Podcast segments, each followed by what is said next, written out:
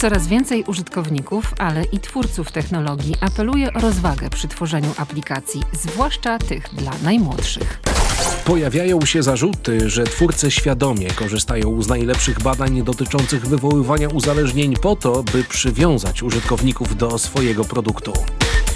O przyszłości teraz zastanawiamy się nad tym, czy wszyscy będziemy uzależnieni oraz czy będziemy w stanie wpłynąć na twórców technologii, by projektowali swoje produkty bardziej etycznie. Przy mikrofonach Gosia Sadowska, Marek Lewiński i Przemysław Getka.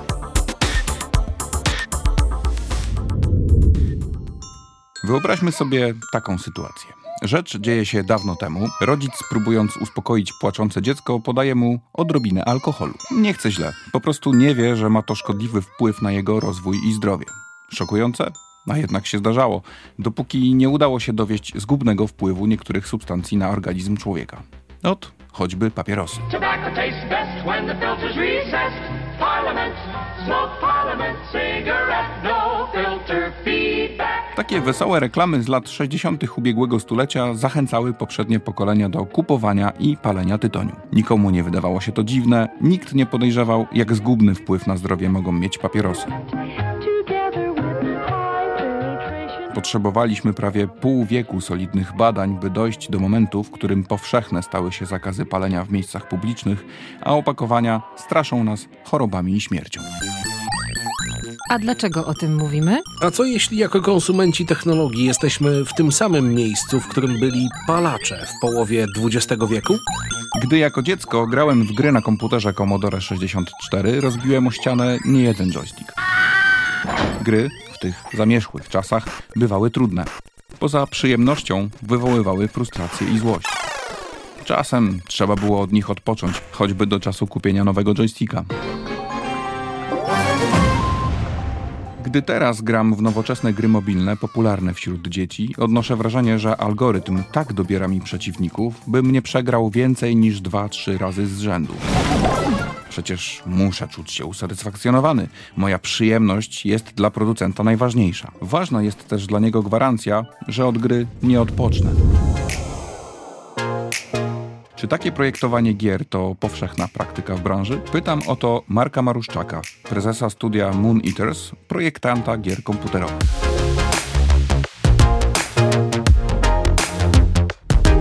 to, o czym pan wspomniał, to wynika z tego, że gra pan akurat w grę, która dostosowuje się do pana umiejętności. Mhm. E, I tak, jest to powszechna praktyka.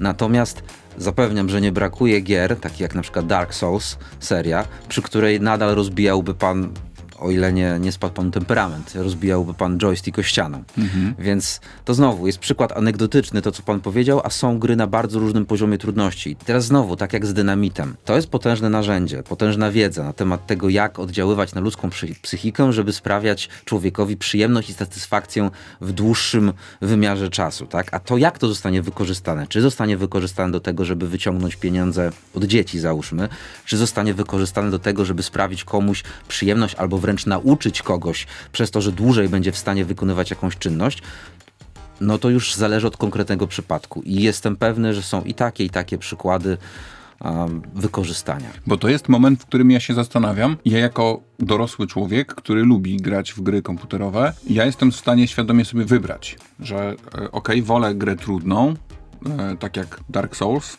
wspomniane, albo grę, która z założenia będzie mi sprawiała przyjemność i nie będzie mi za bardzo kłód pod nogi rzucać. Natomiast zastanawiam się, co naturalnie wybierze dziecko. Tak mi się wydaje, że naturalnie dziecko wybierze taką grę, która nie będzie go złościć po prostu, że nie może sobie z nią poradzić, tylko zwyczajnie będzie sięgać po te łatwiejsze i też przyjemniejsze Mm, formy spędzania czasu czy obcowania z ekranem. Powinniśmy rozróżnić przyjemność od satysfakcji, tak? Mhm. Przyjemność to jest coś, co po prostu sprawia nam fizyczną wręcz przyjem przyjemność, tak?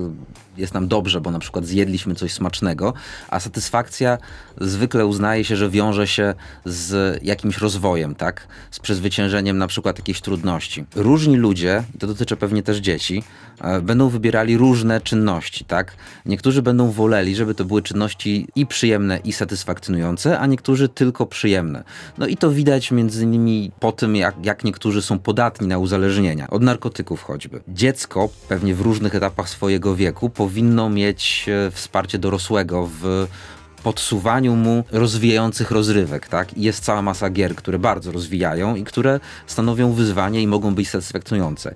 Jest tak jak ze wszystkim, cała masa gier, które są bardzo proste i pewnie rozwijają w znacznie mniejszym stopniu. Ale to samo dotyczy filmów, to samo dotyczy jedzenia. Moim zdaniem gry nie są tutaj znacząco różne pod tym względem od na przykład burgerów, słodyczy czy brokułów, powiedzmy. Jasne, ale pojawiają się teraz już takie pomysły. Do Sejmu wpłynął projekt ustawy, żeby na przykład napoje energetyczne jakoś znakować, że są szkodliwe, tak? Możemy się spierać, czy to ma sens, czy nie ma sensu, ale jakiś pomysł został rzucony, znaczy ktoś zauważył, że faktycznie to może mieć zły wpływ na młodych ludzi na przykład. I teraz oczywiście zgadzam się całkowicie z tym, co pan mówi, że duży wpływ na to mają rodzice i, i, i też to, jak oni spędzają czas i jakie formy, czy satysfakcjonujące, czy tylko przyjemne wybierają na co dzień. Natomiast może jednak warto się zastanowić, czy nie znakować tego typu y, produkcji, tego, tego typu aplikacji. W tej sprawie też się sporo dzieje. Po pierwsze, to chciałbym zaznaczyć, że ja jestem osobiście zwolennikiem raczej pozytywnego wzmocnienia,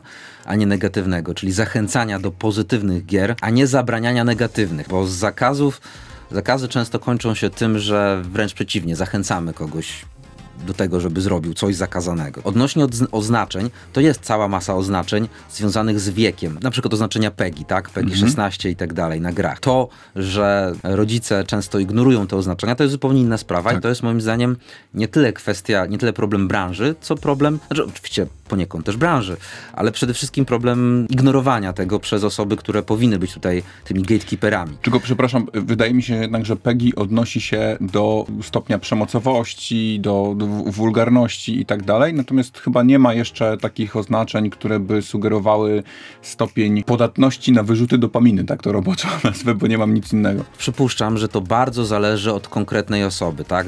Komuś mogą te wyrzuty dopaminy towarzyszyć przy grze e, w ten konkretny tytuł, a, a komuś innemu w zupełnie inny, więc z takiego formalnego punktu widzenia pewnie byłoby to bardzo trudno zrobić. Pojawiają się takie zarzuty, że jednak twórcy aplikacji no, świadomie korzystają z takich najlepszych badań dotyczących wywoływania uzależnień i świadomie to robią. Na przykład y, inicjatywa Time Well Spent to jest taka inicjatywa założona chyba przez byłego etyka Google, który mówi wprost o tym i głosi jakby słowo, próbuje ewangelizować w pewnym sensie i tłumaczyć, że, mm, że to się naprawdę dzieje, żebyśmy na to zwracali uwagę. Do niedawna zastanawiałem się, na ile to jest proces świadomy, ze strony twórców, a na ile to jest proces taki czysto biznesowy. No ale wygląda na to, że chyba jest to często proces świadomy niestety. Prawdopodobnie im większe pieniądze wchodzą w grę, tym jest to sytuacja bardziej świadoma, ponieważ wszystko w takich grach jest bardziej świadome, tak? Od tego, jak jest dobrana reklama, po kolory użyte na banerach, przez właśnie te mechanizmy, o których pan wspominał i a, znowu, to może być zaleta, tak? Bo taka gra może uczyć koordynacji oko ręka, tak? Może przekazywać określone informacje, może wreszcie sprawiać, że na przykład osoby z ADHD będą w stanie odpocząć, bo to też jest dosyć znany przykład, że gry pozwalają, pozwalając skupić się na bardzo konkretnych czynnościach, które mają określone, gry, które mają określone zasady i nie wymagają myślenia o wszystkim naokoło, pozwalają tym osobom odpocząć paradoksalnie poprzez takie skupienie się mocne. I w takiej sytuacji to będzie pożądany efekt, tak? No ale jeżeli wyciągamy pieniądze od dzieci, wykorzystując te same mechanizmy, no to będzie to raczej sytuacja niepożądana. A jak to wygląda okiem specjalistki od emocji? Czy można zaobserwować wzrost uzależnień od gier i szeroko rozumianej technologii? Aleksandra Sobieraj-Błotniak, psycholożka, terapeutka młodzieży. Tak, spotykamy się z tym naprawdę często. E, może nie zawsze to jest już uzależnienie, tak? bo, bo to już mówimy o tym ostatnim etapie, kiedy człowiek robi sobie krzywdę i tak dalej. Mm, często mówimy o, o tym, że to jest takie ryzykowne, tak? taki etap, gdzie, gdzie naprawdę niewiele brakuje, żebyśmy uzależnienie mieli do czynienia, e, ale, ale jeszcze jesteśmy na tym, w tym momencie, że możemy to, e, to złapać, ale z pewnością jest, e, problem jest duży. Oczywiście do nas się zgłaszają rodzice i przyprowadzają tak, dziecko czy, czy młodzież, ale na pewno jest takich przypadków coraz więcej.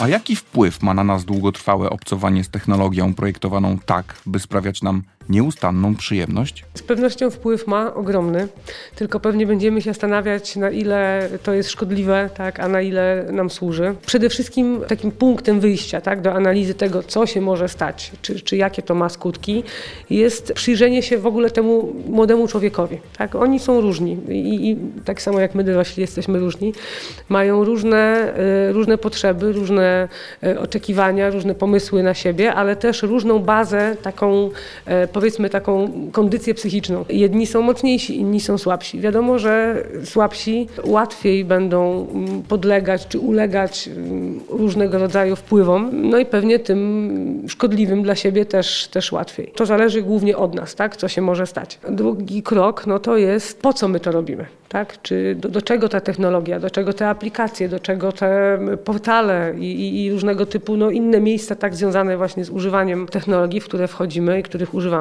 Jaką potrzebę sobie zaspokajamy, tak? Jaką potrzebę sobie zaspokajamy, tak? Czyli jeżeli to jest potrzeba bycia w kontakcie z innymi ludźmi, bycia w relacji z innymi ludźmi, a jestem dzieckiem czy, czy młodym człowiekiem, który w takim realnym życiu ma trudności z różnych przyczyn, tak? Czasami trudno na to patrzeć tak e, spokojnie, ale po prostu jest samotny, tak? I gdzieś, gdzieś, tym, gdzieś na, na jakimś portalu czy, czy w jakiejś innej grupie, no właśnie ma te osoby, ma, ma ludzi, z którymi może porozmawiać, z którymi, e, nie wiem, łączy wspólne pasje, tak? czy, czy zainteresowania, no to w przypadku takiej sytuacji pewnie nie będziemy zastanawiać się, jak bardzo mu to szkodzi, bo dopóki inne potrzeby są zaspokajane, tak, człowiek się wywiązuje ze swoich podstawowych obowiązków, to jakby okej, okay, tak? Jeżeli oczywiście zauważymy coś niepokojącego, na przykład, że jednak ten, ta, grupa znajomych ze świata y, nierealnego, tak? czy, czy tego wirtualnego jest ważniejsza niż y, nasza codzienność, obowiązki, y, nie wiem, szkoła,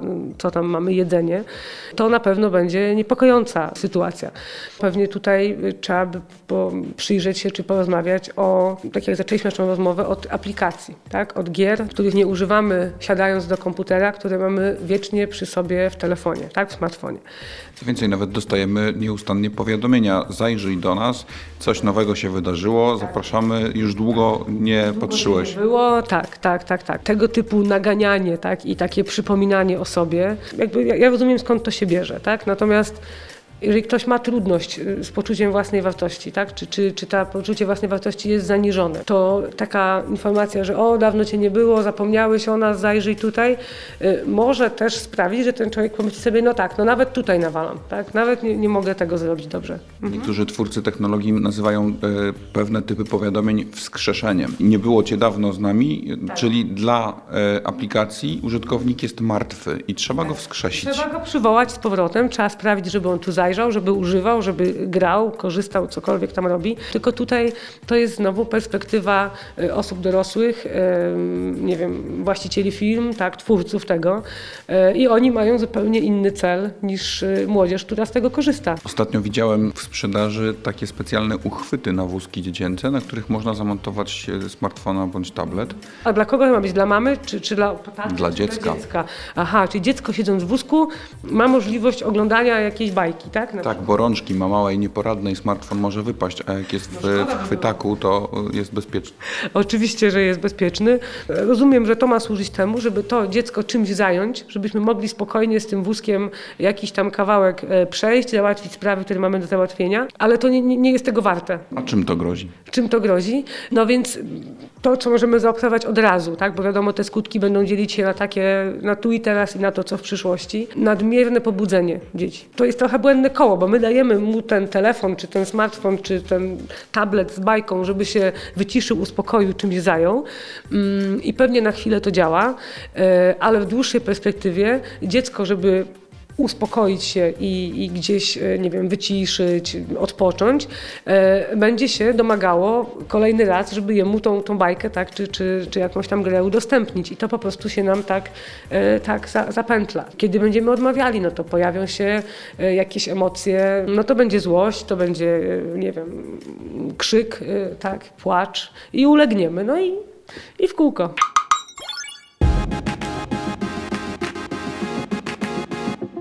Czy w przyszłości zadbamy o to, żeby nasze gry i aplikacje były przyjazne użytkownikowi? Czy dojdziemy do etapu, w którym technologia będzie projektowana bardziej etycznie i z myślą o użytkowniku, tak żeby nie szkodzić? Jeżeli pytanie brzmi, czy bardziej, to na pewno, bo to jest naturalna, naturalny proces, któremu są poddawane wszystkie now, nowe wynalazki, nowe technologie, nowe treści.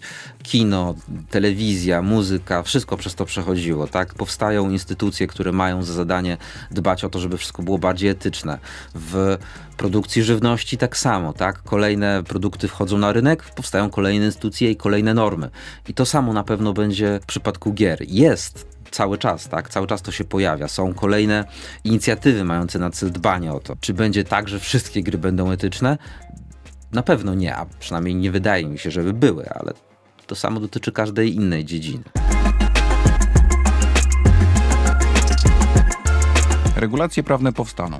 Technologia, jak każdy wynalazek, będzie nam służyć albo szkodzić. To, czego możemy sobie życzyć, to mnóstwo rzetelnych badań nad wpływem technologii na nasz mózg i nasze zwyczaje. I oby nie musiało to trwać pół wieku. The United States Testing Company confirms high filtration, no filter feedback on your lips or hers. Tobacco tastes best when the filter's recessed. Parliament, smoke Parliament, back